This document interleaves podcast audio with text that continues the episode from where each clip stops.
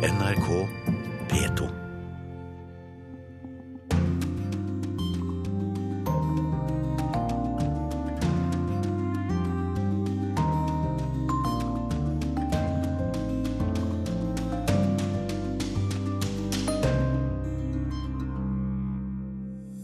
De stiller seg i en matkø klokka tre om natta, og kommer kanskje tomhendt hjem klokka åtte.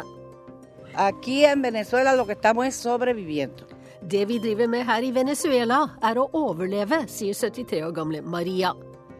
Et halvt år etter terrorangrepene i Paris er folk mer på vakt enn de var før. Livet blir aldri det samme igjen, sier en som var i nærheten av Bataclan. La vie a changé, ça sera plus jamais euh, comme avant. Vår Midtøsten-korrespondent rapporterer fra Saudi-Arabia. I begynnelsen tenker du ikke så mye på det når du kjører rundt i byen. Men etter hvert skjønner du at noe er annerledes. Det er ingen kvinner bak rattet her. Og hør på dette.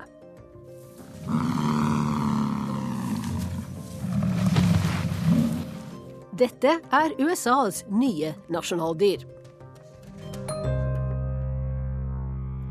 Vel møtt til Urix på lørdag. Jeg heter Wenche Eriksen. Korrespondentbrevet denne uken handler om Frankrike, Belgia og streik. Verdens høyeste inflasjon på nesten 700 Verre enn Syria for dem som driver forretningsvirksomhet, ifølge Verdensbanken. Og timelange køer for å få tak i alt fra mel til medisiner til dopapir. Vi snakker om Venezuela, der økonomien fortsetter å falle som en stein. Og etter at president Nicolas Maduro innførte økonomisk unntakstilstand mot parlamentets vilje, er det en isfront mellom regjeringen og opposisjonen. Vår medarbeider Arnt Stefansen er i Venezuelas hovedstad Caracas, og han har sendt oss denne reportasjen. De står i en ring og tømmer ut sin bitterhet og fortvilelse over livet som er blitt så vanskelig. De er naboer i den fattige bydelen Pedrera her i Caracas, og mange av dem står i kø i opptil 30 timer i uka for å få tak i det de trenger av helt nødvendige matvarer.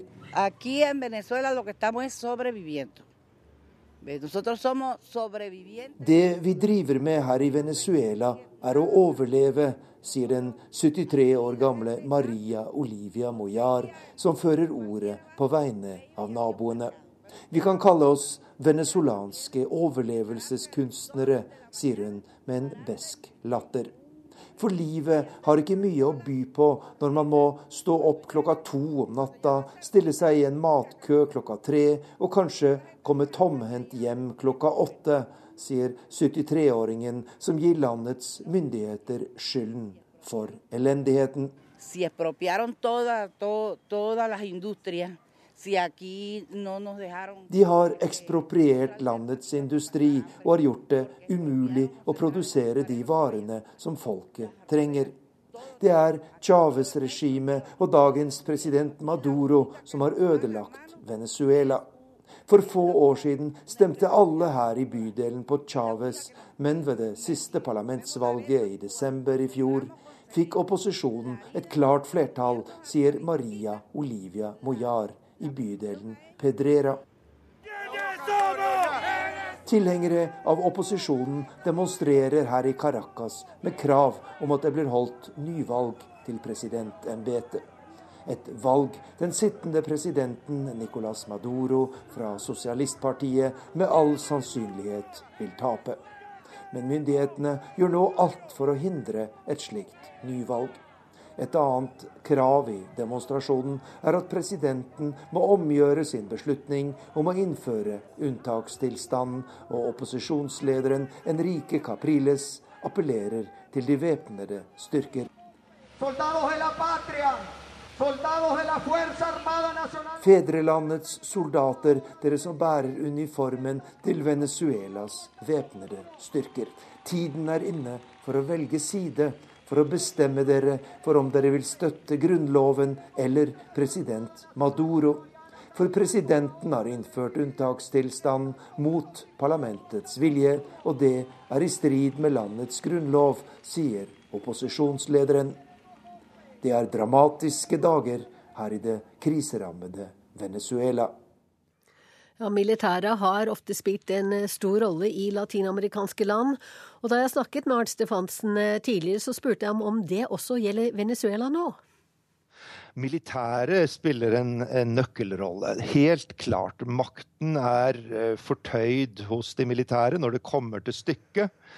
Og uh, president Maduro har jo en veldig uh, lojal militærledelse. Man snakker om rundt 2000 generaler og andre høyere militære som er, ettersom han sier, uh, nærmest i lomma på presidenten, i den betydning at de har fått masse privilegier for da å, å være lojal. Men samtidig så har du en stor gruppe av lavere offiserer og, og menige. Til sammen er det jo rundt 140 000 i de væpnede styrker. Og det er jo folk folket, og de opplever jo det samme, og deres familier opplever jo det samme som andre eh, vanlige venezuelanere. Matkøer, mangel på medisiner osv. Så, videre. så det er en veldig usikker situasjon, men i øyeblikket er det ingenting som tyder på at militæret vil presse eh, regimet. Men det kan komme endringer. Det var varslet nye demonstrasjoner denne uken med krav om at president Maduro må gå, men det var ikke så mange som møtte opp. Bare noen hundre i Caracas, eh, står det i byråmeldingene som eh, vi har lest. I sterk motsetning til 2014, da det var store demonstrasjoner, mange ble fengslet og 43 ble drept. Hvorfor tar ikke folk til gatene nå, når hverdagen er blitt enda vanskeligere enn den var da, Arnt Stefansen? Det er en avventende holdning hos mange. Eh, Maduro er veldig upopulær. Det viser meningsmålingene. Opptil 70% ønsker jo nyvalg og ønsker å få ham fjernet. Men eh, mange er altså avventende av, av flere grunner. Det ene er frykt. Eh, for nettopp pga. det som skjedde i, i 2014 under disse blodige opptøyene. De er redd for denne veldige makten som presidenten sitter med. Og så er det også en noe skeptisk holdning til eh, opposisjonen. Eh, I hvert blant eldre som husker det tidligere høyreregimet og hvordan man da behandlet de fattige osv. Så, videre. så det er ikke slik at man nødvendigvis omfavner opposisjonen fordi man er mot Maduro. Så de tingene der er nok noe av forklaringen på at uh, en så ekstrem situasjon ikke resulterer i flere og mer omfattende demonstrasjoner. Ja, hvor sterk og hvor samlet er den politiske opposisjonen? De er mye mer samlet enn de var for noen år siden, eh, og opptrer også på en helt annen og mange vil si mer eh, ansvarlig måte. Eh, men det er altså mange partier, det er over 20 med stort og smått, og, og noen av dem står nok nokså fjernt fra, fra, flertallet. Men det man kan kalle sentrum-høyre, altså som er de moderate kreftene i opposisjon, mm, står sterkt. Det viste jo nettopp valget i desember da opposisjonen altså fikk uh, to tredels flertall i, i, parlamentet. De har riktignok mistet tre representanter i en sånn ankesak som pågår, uh, påstander om valgfusk, men de har altså et klart flertall i parlamentet og, og i folket. Men det store spørsmålet er jo hvor er det blitt av Venezuelas oljerikdom? Det kan ikke bare være synkende oljepriser som er årsaken til at bunnen har falt helt ut av økonomien og folk mangler ja, det mest nødvendige.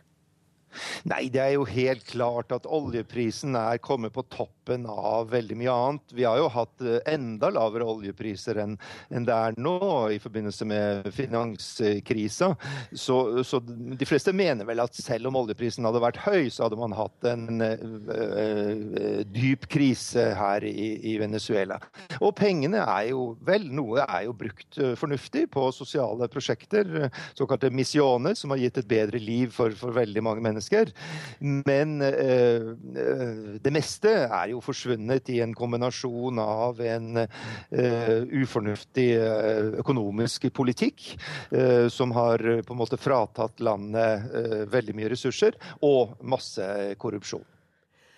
Tre opposisjonelle fra Venezuela har vært i Oslo denne uken som deltakere på Oslo Freedom Forum, der menneskerettigheter står i sentrum. Tamara Soho Roa heter en av dem. Hun er advokat og styremedlem i organisasjonen Foro Penal, en støttegruppe for politiske fanger. Og hun sier dette om situasjonen i sitt hjemland. Venezuela en este momento vive una crisis humanitaria Eh, actualmente eh, hay, I Venezuela er det nå alvorlig mangel på matvarer og medisin, ei djup humanitær krise, og i tillegg kommer den politiske krisa. Vi har ei regjering som ikke respekterer den nye maktfordelinga i parlamentet etter valget i desember i fjor, der opposisjonen fikk flertall i den lovgivende forsamlinga. Så dette forsterker også den akutte humanitære krisa. Og dere sier at dere forsvarer politiske fanger i Venezuela. Hvem er politiske fanger i landet ditt? Si Foro Penal defiende a víctimas de violaciones de derechos humanos eh, y de forma pro bono, de forma gratuita, y eh, a presos y perseguidos políticos. Somos más de 200 abogados. Foro Penal forsvarer offer for menneskerettsovergrep, og vi gjør alt arbeid gratis. Det handler om politiske fanger og andre forfølgede. Vi er mer enn 200 advokater i hele landet som arbeider med dette, og i tillegg har vi støtte fra over 1500 menneskerettsaktivister. Vi har leia dette arbeidet i mer enn ti år, og det har spissa seg til først under Chávez og nå under Maduro. Bueno, tenemos actualmente más de 80 presos políticos. En el año 2014 llegamos a un tope de, de 270 con todos los deten detenidos de año. I presos politikere hay líderes de partidos For tida er det mer enn 80 politiske fanger. I 2014 var det en topp på over 260. Nå er det f.eks.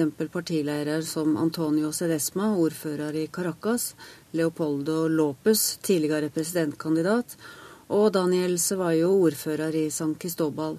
Men det er også unge studenter, menneskerettsaktivister, yrkesaktive, husmødre. Og det er mange militære som er skylda for opprør mot regjeringa, sjøl om det ikke fins bevis. Og alt dette viser hva slags skitne metoder nåværende regjering tar i bruk mot opposisjonen. Og du bor selv ikke i Venezuela lenger. Du har fått asyl i Tsjekkia. Hvorfor? Eh, en el año 2014 Foro Penal Venezolano estuvo eh, muy activo i 2014 var organisasjonen min veldig aktiv og engasjerte seg i over 2000 arrestasjoner som skjedde dette året. Vi tok da opp mer enn 60% av alle disse sakene, og det var ikke bare fengsling, men òg tortur. 133 tilfeller av tortur klaga vi inn for domstolene. Og pga. dette arbeidet blei organisasjonen min for Openal skylda for oppvigleri, at vi destabiliserte staten. Vi blei avlytta, posten vår blei åpna, og trusler mot oss blei offentliggjort. Eh, mi vida corría peligro en Venezuela. Es decir, el ministro de Interior y Justicia jeg kom i livsfare, og spesielt etter at innenriksministeren gikk ut på TV og erklærte at det dreiv med undergraving av rikets sikkerhet. Jeg ble utsatt for avhør, og plutselig var jeg ikke trygg på gata lenger. Mobben gikk løs på oss, ropte skjellsord og omringa oss. Jeg og flere andre fikk telefontrusler, eh, derfor måtte ut av landet og holde fram arbeidet internasjonalt, en stad der jeg kunne være trygg. Myndighetene sier at gruppen deres er um, høyreorientert, uh, imperialistisk, støttet av USA. Nos llama imperialistas, fascistas, agentes de la CIA, agentes del imperio. Este es el discurso de odio que tiene el presidente de Venezuela, no solamente Ja, vi blir kalla imperialister, fascister og CIA-agenter og det som verre er. Slik er den hatefulle talemåten til den nåværende presidenten i Venezuela. Og slike ord bruker han ikke bare om oss forsvarsadvokater, men om den demokratiske opposisjonen i landet. Hva skal til for at du føler at du kan reise tilbake til hjemlandet ditt? Hva skal til for at um, demonstrasjonene i Venezuela opphører? Er det bare det at presidenten må gå? Para yo regresar a Venezuela debe haber un cambio de modelo, no un cambio de gobierno. Este, los venezolanos estamos el, el 85% de los venezolanos está pidiendo cambio. Det må til et systemskifte av den politiske modellen. Det er mer enn 85 av folket som vil ha forandring, som vil ha regjeringsskifte. Og ikke minst må det til at rettsvesenet igjen blir uavhengig. I dag er det tatt som gissel av et uholdbart system. Hasta que no haya un poder judicial independiente, porque el poder judicial está secuestrado por el gobierno venezolano y sus jueces y sus fiscales simplemente obedecen órdenes del gobierno. Det var Sigrun Slapgard som oversatte det Tamara Sohoroa fortalte meg da hun besøkte oss her i studio på Marienlyst. Og hva mener internasjonale organisasjoner om Venezuela? FNs høykommissær for menneskerettigheter sier det er nødvendig å fremme og beskytte menneskerettighetene i landet, og at myndighetene også må forsvare de som er uenige i statens politikk. Human Rights Watch skriver at regjeringen trakasserer, sensurerer og forfølger sine kritikere, og at frykten for represalier har tvunget journalister og menneskerettighetsforkjempere til å tenke seg om to ganger før de offentliggjør kritiske synspunkter.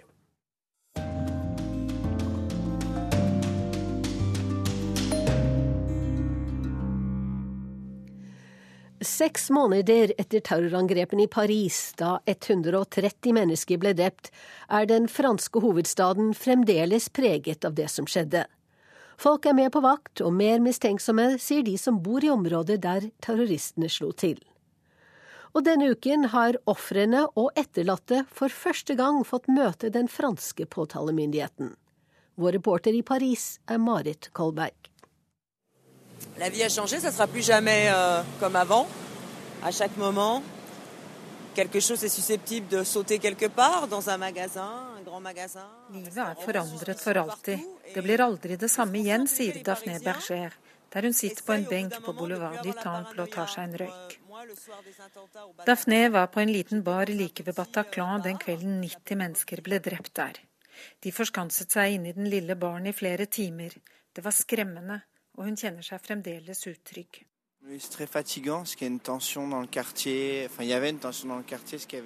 Også 30 år gamle Benjamin, som er ute og lufter hundene sine, sier at stemningen i byen er blitt en annen. Og han tenker på at det kan smelle igjen. Han tenker på det hver gang han tar metroen, sier han. On, on s'attend à ce qu'il se passe d'autres choses en France, donc euh, on est un peu en, on doit toujours être pas, en, pas en, sur le qui-vive, mais on doit toujours être un peu euh, attention, faire attention. Ouais. Og mens mange parisere strever med utryggheten, strever de som ble rammet av terroren med å komme seg videre i sorgen. Denne uken har ofrene og deres familier kunnet komme til høringer med den franske påtalemakten. I løpet av tre dager gikk seks forhørsdommere gjennom det som skjedde under angrepene, og saksgangen videre. Aldri har så mange, flere enn 1000, meldt inn et erstatningskrav i Frankrike. Og mens trafikken durte forbi og pressefolkene ventet utenfor, gikk høringen for lukkede dører i den militære skolen som ligger like ved Eiffeltårnet i den franske hovedstaden. Vanligvis holdes slike høringer i Justispalasset, men der var det ikke plass. Hele livet mitt er ødelagt, sa en kvinne. C'est foutu toute ma vie. J'aimerais bien savoir ce que le juge mens en mann sier at det eneste han ønsker, er å få vite hvorfor dette kunne skje.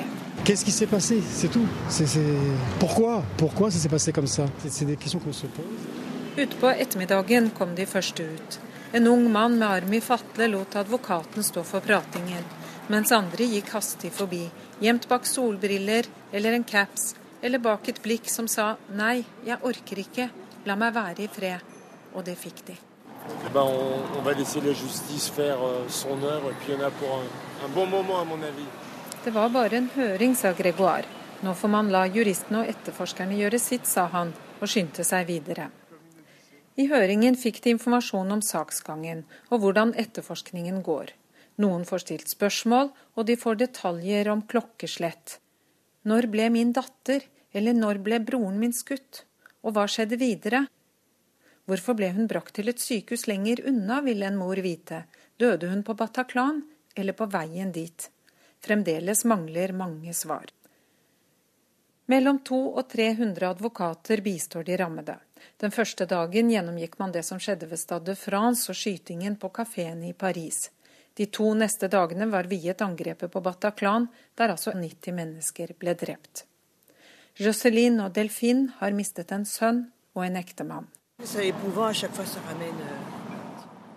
Begge sier høringen var tung og krevende, men mener det var viktig å være der, selv om det var vondt å høre alle detaljene. Jeg euh,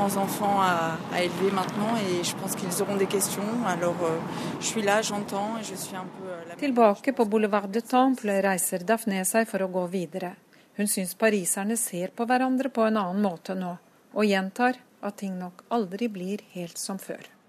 Les attentats ont changé le regard des gens sur euh, leur vie, la, vie de leurs proches, la société en général et le monde en fait. Mais oui, la vie sera plus jamais comme avant.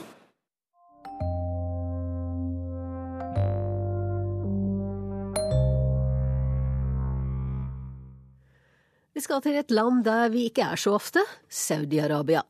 For der er det modernisering i gang, i hvert fall når det kommer til økonomien. Landets nye kronprins og mektigste mann, 33 år gamle prins Mohammed bin Salmen, har lansert en økonomisk reformpakke som skal lede landet fram til 2030. Men kvinner skal fortsatt ikke få lov til å kjøre bil, og hvordan skal dette forenes, spør vår Midtøsten-korrespondent Sigurd Falkenberg Mikkelsen i landets hovedstad Riyadh. I begynnelsen tenker du ikke så mye på det når du kjører rundt i byen. Riyadh ser ut som hvilken som helst velstående arabisk storby i Gulflandene, med sine brede veier og mange amerikanske biler. Men etter hvert skjønner du at noe er annerledes. Det er noe som skiller landet fra sine naboland og fra resten av verden. Det er ingen kvinner bak rattet her. Det ønsker aktivist og blogger Eman al-Nafjan å gjøre noe med. Because um, many women suffer from the fact that they don't have access to transportation. They miss out on education opportunities. They miss out on uh, job opportunities. They even um, uh, Mange kvinner lider under mangelen på transport. De går glipp av utdannelsesmuligheter og jobbmuligheter. De kan forsømme selv sitt eget og barnas helsestell pga. dette, sier hun da vi treffer henne til NRK. Derfor startet hun og flere andre aktivister en kampanje i kjølvannet av den arabiske våren, hvor kvinner filmet seg selv mens de kjørte. Det var aldri noen massebevegelse, men myndighetene slo hardt ned på den likevel. Flere av dem ble arrestert eller plaget av myndighetene. Samme skjebne har mange andre aktivister også lidd. Mest kjent i Vesten er Raif Badawi, som ble dømt til ti år i fengsel og 1000 piskeslag. Han har fått de 50 første, men den resterende dommen har blitt utsatt mange ganger. Men han er ikke alene. Journalisten Ala Brinji ble f.eks. dømt til fem år i fengsel for myndighetskritikk han kom med på Twitter. Emanuel Nafjan mener det er en forbindelse mellom dette og det kvinnelige kjøreforbudet. Absolutely. I mean, uh, a lack of freedom. There, there is a lack of freedom across the board. I mean, with uh, bloggers um, in prison like Raif Badawi, like Ala Branji, um, like uh, Fahad Al Fahad. Um, unfortunately, uh, I, mm. I, are, are, people more reluctant to speak out because of uh, these uh, people going to prison? I mean, are, are the bloggers blogosphere, the Twittersphere, are they, are they more careful these days? Absolutely. Um, since around 2012, um, a lot more self censorship has been going on because of these uh, arrests and because of a, a, lot of people going to prison and being detained. Det har vært et skifte i toppen av det saudiarabiske kongehuset. Og mannen som sitter med mye av makten, er nå den 33-årige visekronprinsen Mohammed bin Salman. Han har nylig lansert en ambisiøs økonomisk reformplan for landet fram mot 2030. De ønsker å liberalisere økonomien og gjøre seg mindre oljeavhengig. You just launched a very ambitious uh, plan for 2030 for your country. But how do you manage to, or how do you see, uh, how do you want to reach these goals when you also put uh, restrictions on civil liberties, uh, where you can go to jail for expressing your opinion on social media? I'm thinking about bloggers like Rauf Badawi and Ala Brinji. Thank you.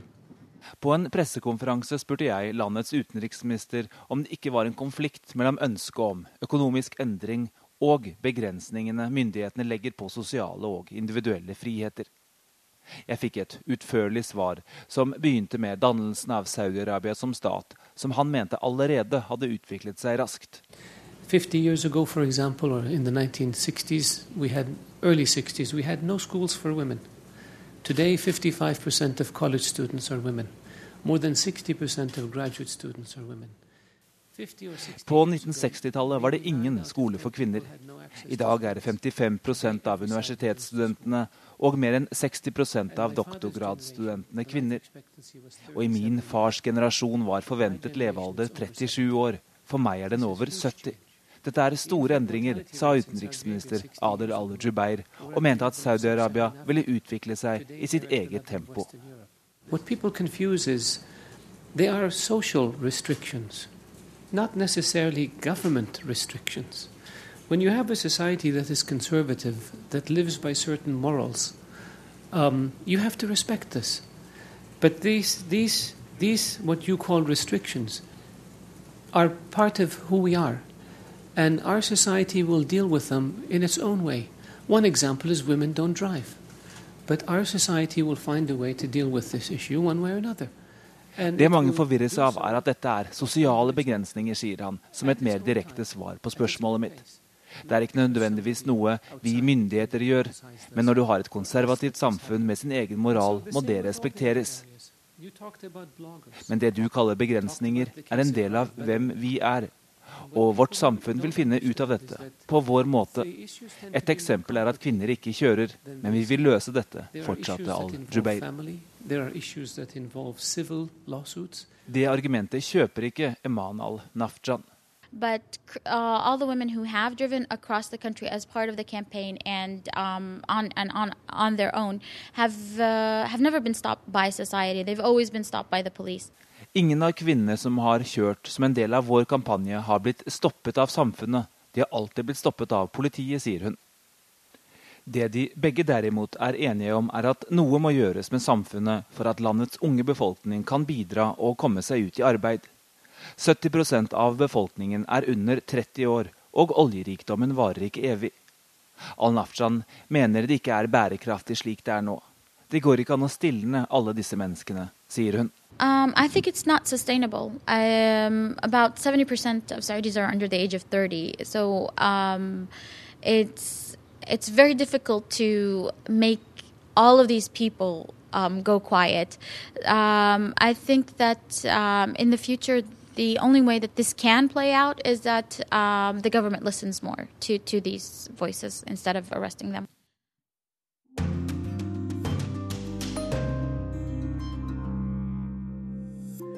Du hører på Urix på lørdag i NRK P2 og Alltid nyheter. Klokka er 11.30. Bli med oss videre i denne utenrikstimen. Vi skal ta deg til Tadsjikistan, der presidenten har fått grønt lys til å styre på livstid. Folk er grenseløst begeistret, melder offisielle medier. USA har fått nytt nasjonaldyr, like stort og mektig som landet liker å fremstå. Og hvis du lurer på hvorfor det er så mange streiker i Frankrike og Belgia, så får du kanskje svar i korrespondentbrevet. Men først skal vi til Sør-Sudan, verdens yngste stat. Optimismen var stor da landet frigjorde seg fra Sudan for fem år siden, men bare drøye to år etter så startet kampen om makt og ressurser mellom presidenten og visepresidenten. De mobiliserte langs etniske grenser, og resten er historie, som de sier. En usedvanlig blodig sådan, der kvinnene er de som har lidd mest. Vår Afrikakorrespondent Sverre Tom Radøy har besøkt hovedstaden Juba og et senter der kvinner lapper hverandre sammen mentalt.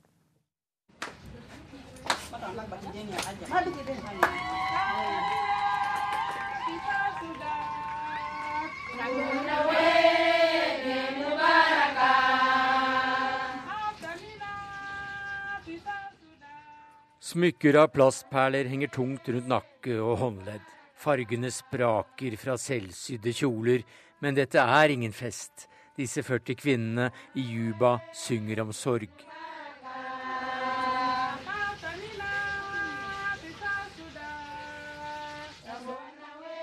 Vi lider, vi kvinner i Sør-Sudan, synger de.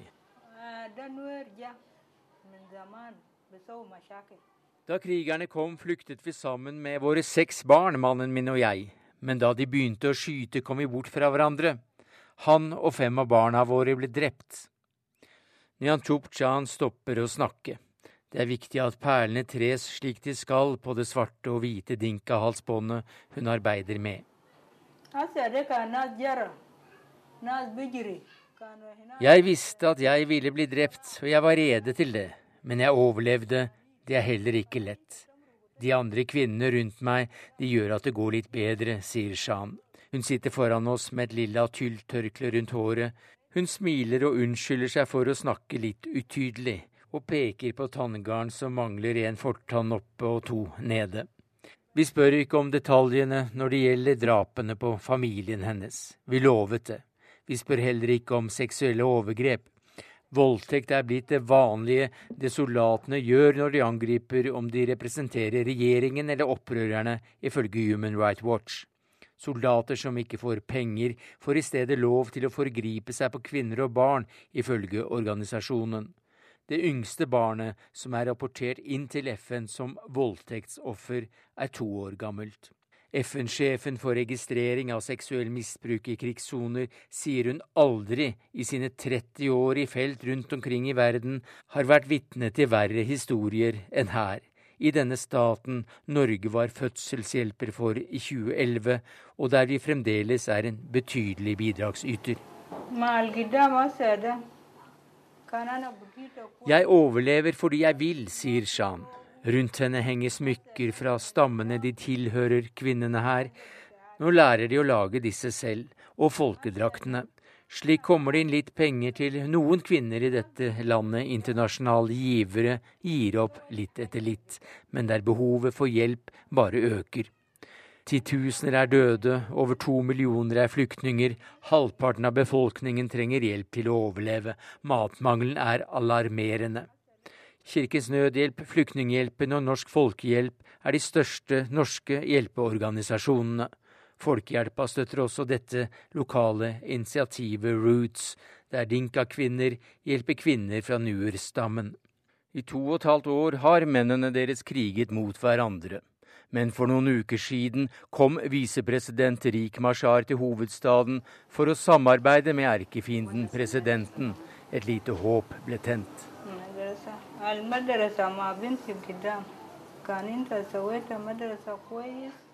Jeg vet ikke noe om fremtiden, sier Shan. Det er Sør-Sudans kvinner som slåss for fred, dyrker jorda og holder familien sammen.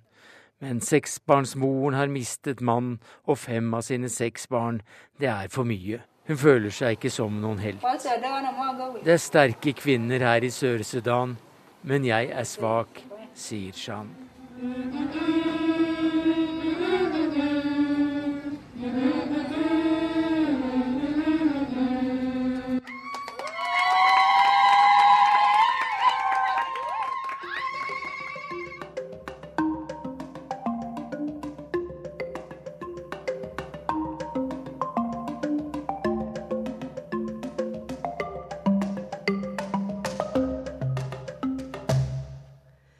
Den sentralasiatiske republikken Tadsjikistan har presidenten styrket sin stilling ganske kraftig.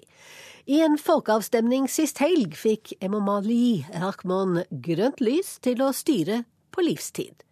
All opposisjon er feid til side, og ifølge offisielle medier er folket grenseløst begeistret for sin leder. Jan Espen Kruse gir deg historien.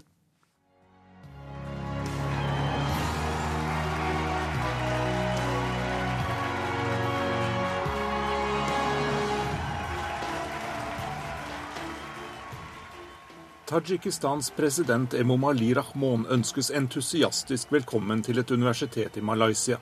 Store mengder studenter med tadsjikiske flagg hyller statslederen.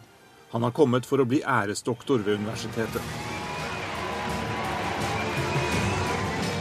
Today we pay tribute to His Excellency's courageous and visionary leadership that has made him a hero in his country and a much respected leader in so many other parts of the world. I dag ærer vi det modige og visjonære lederskapet som har gjort Emomali Rahmon til en helt i sitt hjemland, og som har gjort at han er svært respektert i store deler av verden, sier lederen for universitetet i Malaysia. Derfor ønsker lærerinstitusjonen å gjøre Rahmon til æresdoktor i ledelse, blir det sagt.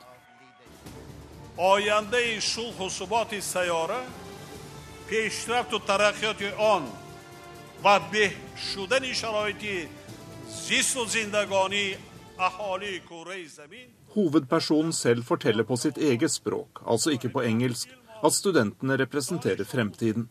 Derfor må de lese og lære så mye de kan for å bidra til utviklingen. Det ble ikke sagt noe om kritiske holdninger og meningsmangfold, men budskapet ble godt mottatt.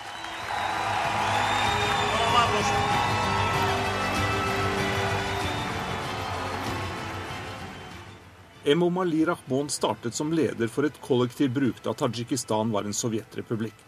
Men etter at Sovjetunionen gikk i oppløsning i 1991, ble Rahmon etter kort tid landets leder. I løpet av sine 24 år ved makten har han utviklet et stadig mer autoritært styre. Sist helg ble det holdt en folkeavstemning som ga ledere nye og viktige fullmakter.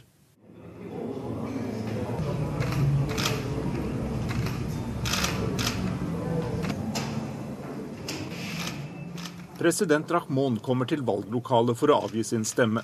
Fotografene tar sine bilder, ingen journalister stiller spørsmål, og presidenten sier ikke et pip men snart er valgresultatet klart.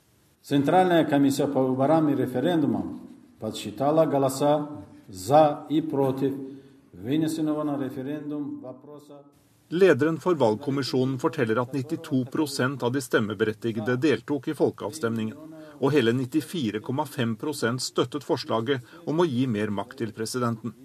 I praksis får Rahmon nå sitte som president så lenge han lever. Minstealderen for en president er senket til 30 år, slik at Rahmons sønn, som nå er 29 år, kan stille fra og med neste valg. Religiøse politiske partier er blitt forbudt. Dermed er det eneste opposisjonspartiet som fantes, satt helt på sidelinja. Overfor massemediene er befolkningen strålende fornøyd. Ja,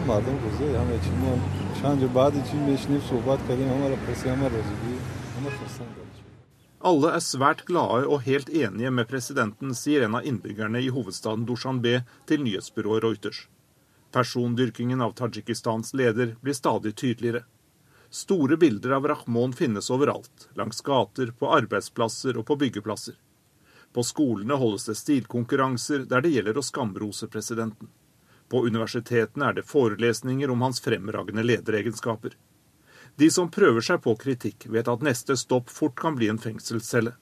Men på sosiale medier gjøres det enkelte forsøk på å latterliggjøre landsfader Rahmon.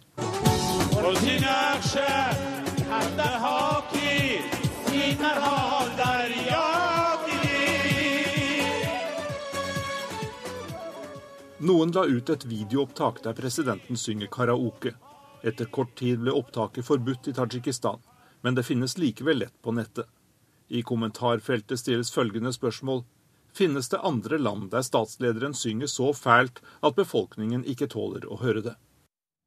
Ja, er det noen som har et svar? Mye av det USAs president Barack Obama foretar seg, får veldig stor oppmerksomhet over hele verden, som hans besøk til Hiroshima i går og hans deltakelse på G7-møtet i Japan. Men tidligere denne måneden utførte han en embetshandling som nærmest ble forbigått i stillhet noe vi akter å rette opp her og nå.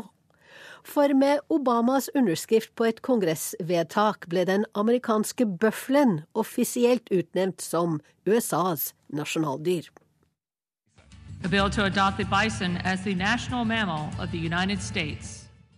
Først ble det vedtatt i Kongressen. Så ble loven undertegnet av presidenten, og dernest kom det på nyhetene. The bison. Hmm. President Obama has signed some new legislation designating the bison as the country's first national mammal. The idea is to prevent the nearly half a million North American bison from going extinct. Så ble det kommentert. The National Bison Legacy Act, signed by Obama on Monday, underscores the large woolly creature's cultural and economic significance. Og til slutt ble bøflene orientert.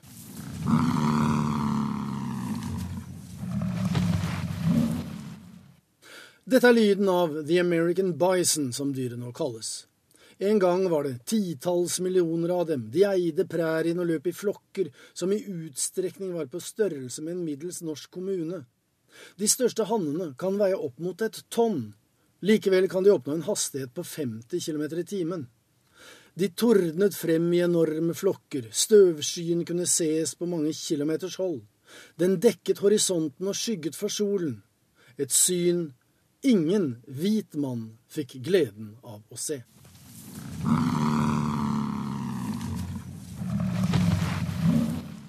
Urfolket levde i pakt med og av bøflene. Indianerne fikk alt fra det som hundrevis av år senere skulle bli det nye nasjonaldyret. Mat og klær. De brukte skinnet til fottøy og teltduker. Ben fra skjelettet ble bearbeidet til pilspisser og redskaper. Klør og tenner, hode og horn ble benyttet til ritualer og religiøse seanser, til drakter og effekter når det skulle danses og kriges. Selv ekskrementene ble til brensel og varme. Uten bøffelen ville indianerkulturene gått til grunne og stammer dødd ut. Derfor var slaktningen bærekraftig. Urbefolkningen på prærien respekterte det store, sterke og imponerende dyret. Men det kunne ikke vare.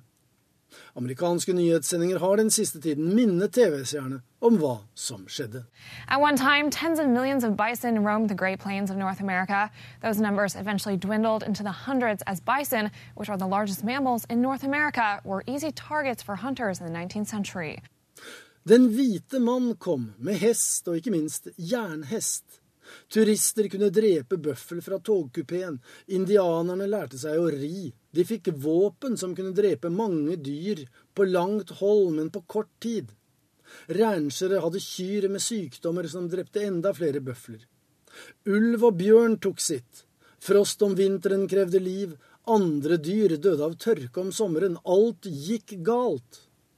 Et par hundre år etter at den hvite mann ankom det indre av USA og tok seg til rette, var det bare noen få hundre ville bøfler igjen.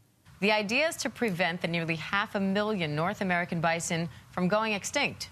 Well, okay, so that almost happened during the 1800s when the number of bison dropped to under 1,000 from the millions that once roamed the plains. Ved inngangen til forrige århundre snudde det. Privatpersoner tok affære og tok til seg bøfler. Theodore Roosevelt ble president og opprettet nasjonalparker. Det kom lover som beskyttet bøflene. Og det ble satt i gang oppdrettsprogram og bevaringsprosjekter. Sakte, men sikkert økte antallet.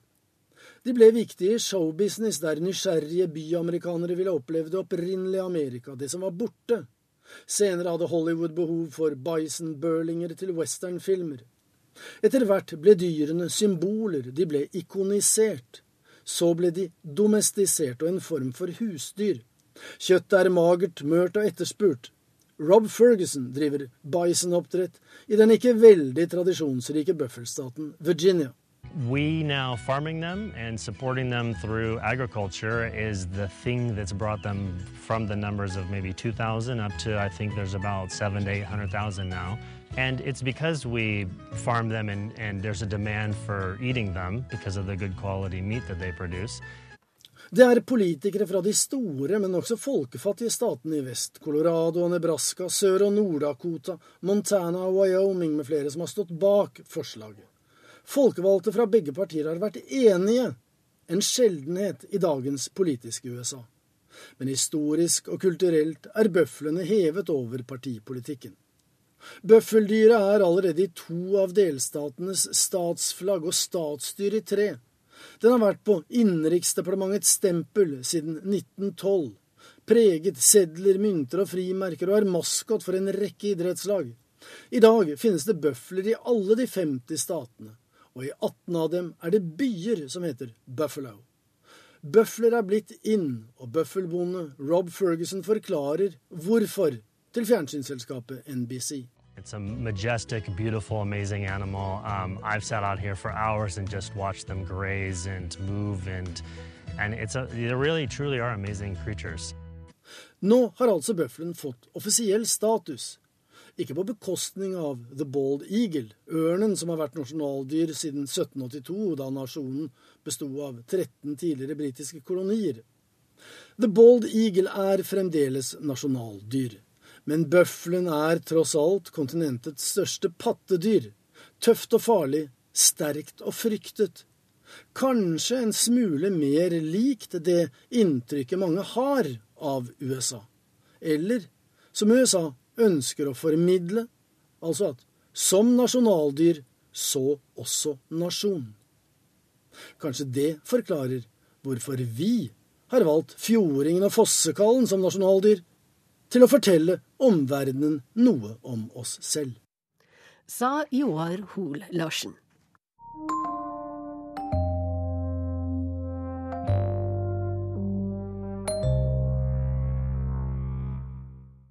Lukten av tåregass og brente bildekk har ligget over mange franske byer og tettsteder denne uka.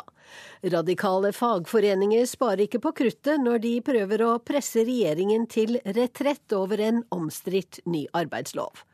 Og franskmenn har lange tradisjoner for å ta til gatene når de vil vise sin misnøye. Det forteller Tore Tollersrud i ukens korrespondentbrev.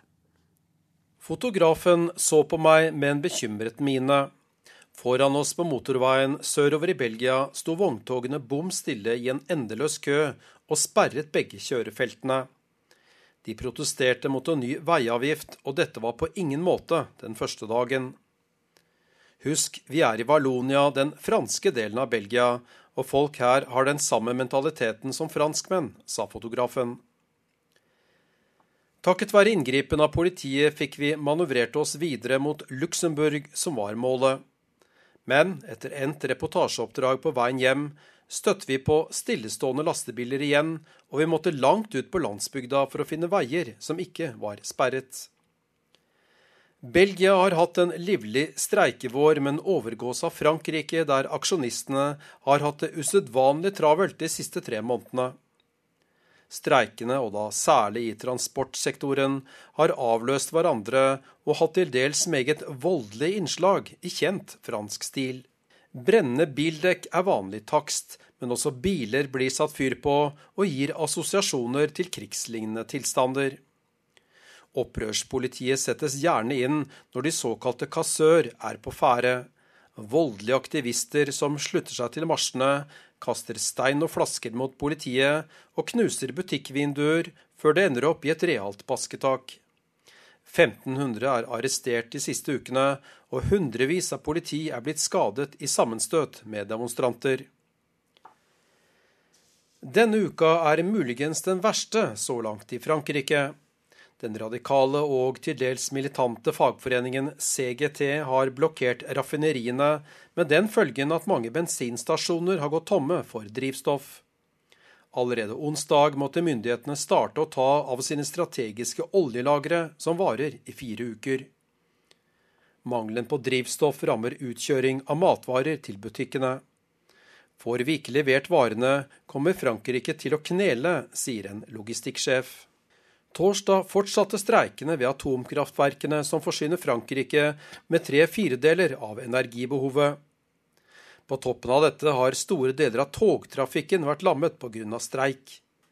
Og i Le Havre troppet 10 000 havnearbeidere opp foran rådhuset med røde flagg, fyrte av røykbomber og opptrådte truende mot tilskuere.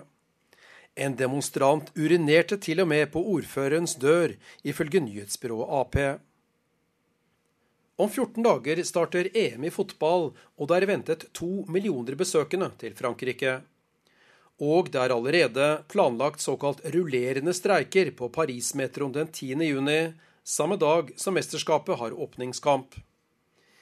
Vi gir oss ikke før lovforslaget er trukket tilbake, sier lederen i CGT, Philippe Martinez. På spørsmål om fagforeningen er villig til å forstyrre den store fotballfesten, svarer han at regjeringen fortsatt har mulighet til å stoppe klokka, og dermed er alt OK. Og loven alt dreier seg om, og som har satt Frankrike på hodet, er en reformlov for arbeidslivet. Frankrike er kjent for sine rigide lover, som ifølge næringslivet er årsaken til at landet mangler konkurransekraft. Arbeidsledigheten er på 10% og den økonomiske veksten er laber. Derfor jublet arbeidsgiverorganisasjonene da den franske sosialistregjeringen i fjor fremmet en ny reformlov, Loi de Travail, eller også kjent som El Comri-loven etter den franske arbeidsministeren. Jeg møtte en av sjefene i Frankrikes svar på NHO for en måneds tid siden, og han beklaget seg fordi regjeringen etter hans mening hadde gitt etter for press fra fagbevegelsen og radikale studenter. Loven er blitt uthulet og gir ikke arbeidsgiverne den fleksibiliteten de trenger for å tørre å ansette flere, mente han. De som er imot loven, mener den fortsatt må trekkes tilbake helt. Arbeidsgiverne får friere hender til å ansette og ikke minst sparke folk. Og et flertall av franskmennene er også imot loven. Men regjeringen er tydelig. Det er ikke CGT som lager lovene, sier statsminister Manuel Valls selv om han åpner døren for forbedringer, som han kaller det. Dermed tyder det meste på at streikene vil fortsette fram mot sommeren. Selv den venstreorienterte avisen Liberation skrev på førstesiden kan CGT stanse Frankrike. CGT er Frankrikes nest største fagforening med om lag 700 000 medlemmer, og har historisk hatt tette bånd til det franske kommunistpartiet. CGT er kompromissløse og denne uka la de seg også ut med pressen i Frankrike. De sørget for at de fleste franske avisene ikke kom ut, fordi de nektet å trykke et opprop fra lederen i CGT, der regjeringen ble oppfordret til å trekke arbeidsloven tilbake. Et skandaløst forsøk på å kneble pressefriheten, skrev en redaktør. Men streiker franskmenn mer enn andre sammenlignbare land? Ikke statistisk sett, ifølge forskere. Men når de gjør det, spares det ikke på virkemidlene for å skape drama og få maksimal oppmerksomhet i mediene. Ifølge forskere er streikene ofte korte og lokale. Men å gå til streik har lange tradisjoner. I Frankrike fikk folk streikerett 20 år før de fikk retten til å organisere seg. De fleste nordeuropeiske land har et system der partene forhandler først, før det eventuelt ender i arbeidskonflikt. I Frankrike er det gjerne maktkamp først, der partene markerer styrke f.eks. ved å streike før de setter seg ved forhandlingsbordet. Og aksjonene følger gjerne forhandlingene. Andre peker på at franskmenn har tradisjoner helt tilbake til revolusjonen i 1789, om at borgerne tar til gatene når de er misfornøyd med noe. Fagforeningen gjør mye vesen av seg, men er ikke store i antall. Under 10% av den franske arbeidsstyrken er fagorganisert. Den pågående streiken i togselskapet SNCF hadde denne uka 10% oppslutning blant de ansatte. Forrige uke ble jeg selv rammet av streik da jeg skulle ta toget fra NIS til Cannes under filmfestivalen. Vi ble flådd av en grådig drosjesjåfør som visste å ta seg godt betalt når togene sto. Men allerede på kvelden fikk vi tog på tilbakestrekningen. Selv om vanlige folk rammes hardt av aksjonene, er de fleste franskmenn sympatisk innstilt overfor Le Greve eller streikene. Streikene ses på som et nødvendig onde for å oppnå et større gode, sier forskeren Stefan Sirot. Frankrike er nok streikeland nummer én i Europa for tiden, men Belgia kommer godt etter. Denne uka hang et helikopter i lufta over Brussel, og jeg trodde at nye anslag mot mistenkte terrorister var på gang. Men det handlet om streik. 60 000 protesterte i Brussel mot regjeringens forslag om mer fleksible arbeidsuker opptil 45 timer. Voldsbruken står ikke tilbake for Frankrike, og under demonstrasjonen ble selveste politimesteren, som jaget folk med pepperspray, selv slått ned. Politiet hevnet seg ved å publisere bilde av gjerningsmannen, som raskt ble arrestert. I Belgia har fengselsbetjentene streiket i tre uker mot det de mener er uverdige forhold i fengslene. Konsekvensen er at mange fanger ikke har vært ute til lufting i like lang tid. Nå er det nasjonal togstreik som er 100% effektiv i det sørlige og fransktalende Valonia, og knapt merkbar i resten av det todelte landet. Kraftige konfrontasjoner i forbindelse med innføring av reformer i arbeidslivet er ikke noe nytt i Frankrike. Det gikk hett for seg også da den konservative presidenten Sarkozy i 2010 fikk hevet pensjonsalderen fra 60 til 62 år. Også den gangen ble oljeraffineriene blokkert, og politiet ble brukt til å åpne portene. Det er ikke like lett virkemiddel å bruke for den nåværende sosialistregjeringen. Streikene og de kraftige protestene mot den nye arbeidsloven er i ferd med å bli et mareritt for president Hollande. Mål for regjeringen var å lansere slagordet 'Nå går ting bedre' i mai og juni, selv om 70% av velgerne er uenige i det. Posisjonene synes fastlåste, verken regjeringen eller fagbevegelsen vil gi etter. Senest fredag sendte fagorganisasjonene ut oppfordringer til medlemmene om å trappe opp aksjonene. Mye tyder på at lukten av brente bildekk kommer til å merkes i mange franske byer og tettsteder framover. Og med dette korrespondentbrevet fra Tore Tollersrud i Brussel er det slutt på Urix på lørdag. Men Urix på TV er tilbake på NRK2 mandag klokka 20.25 som vanlig. Teknisk ansvarlig for denne sendingen var Lisbeth Sellereite. Produsent har vært Marit Selmer Nedrelid, og her i studio satt Wenche Eriksen. Vi sier takk for nå.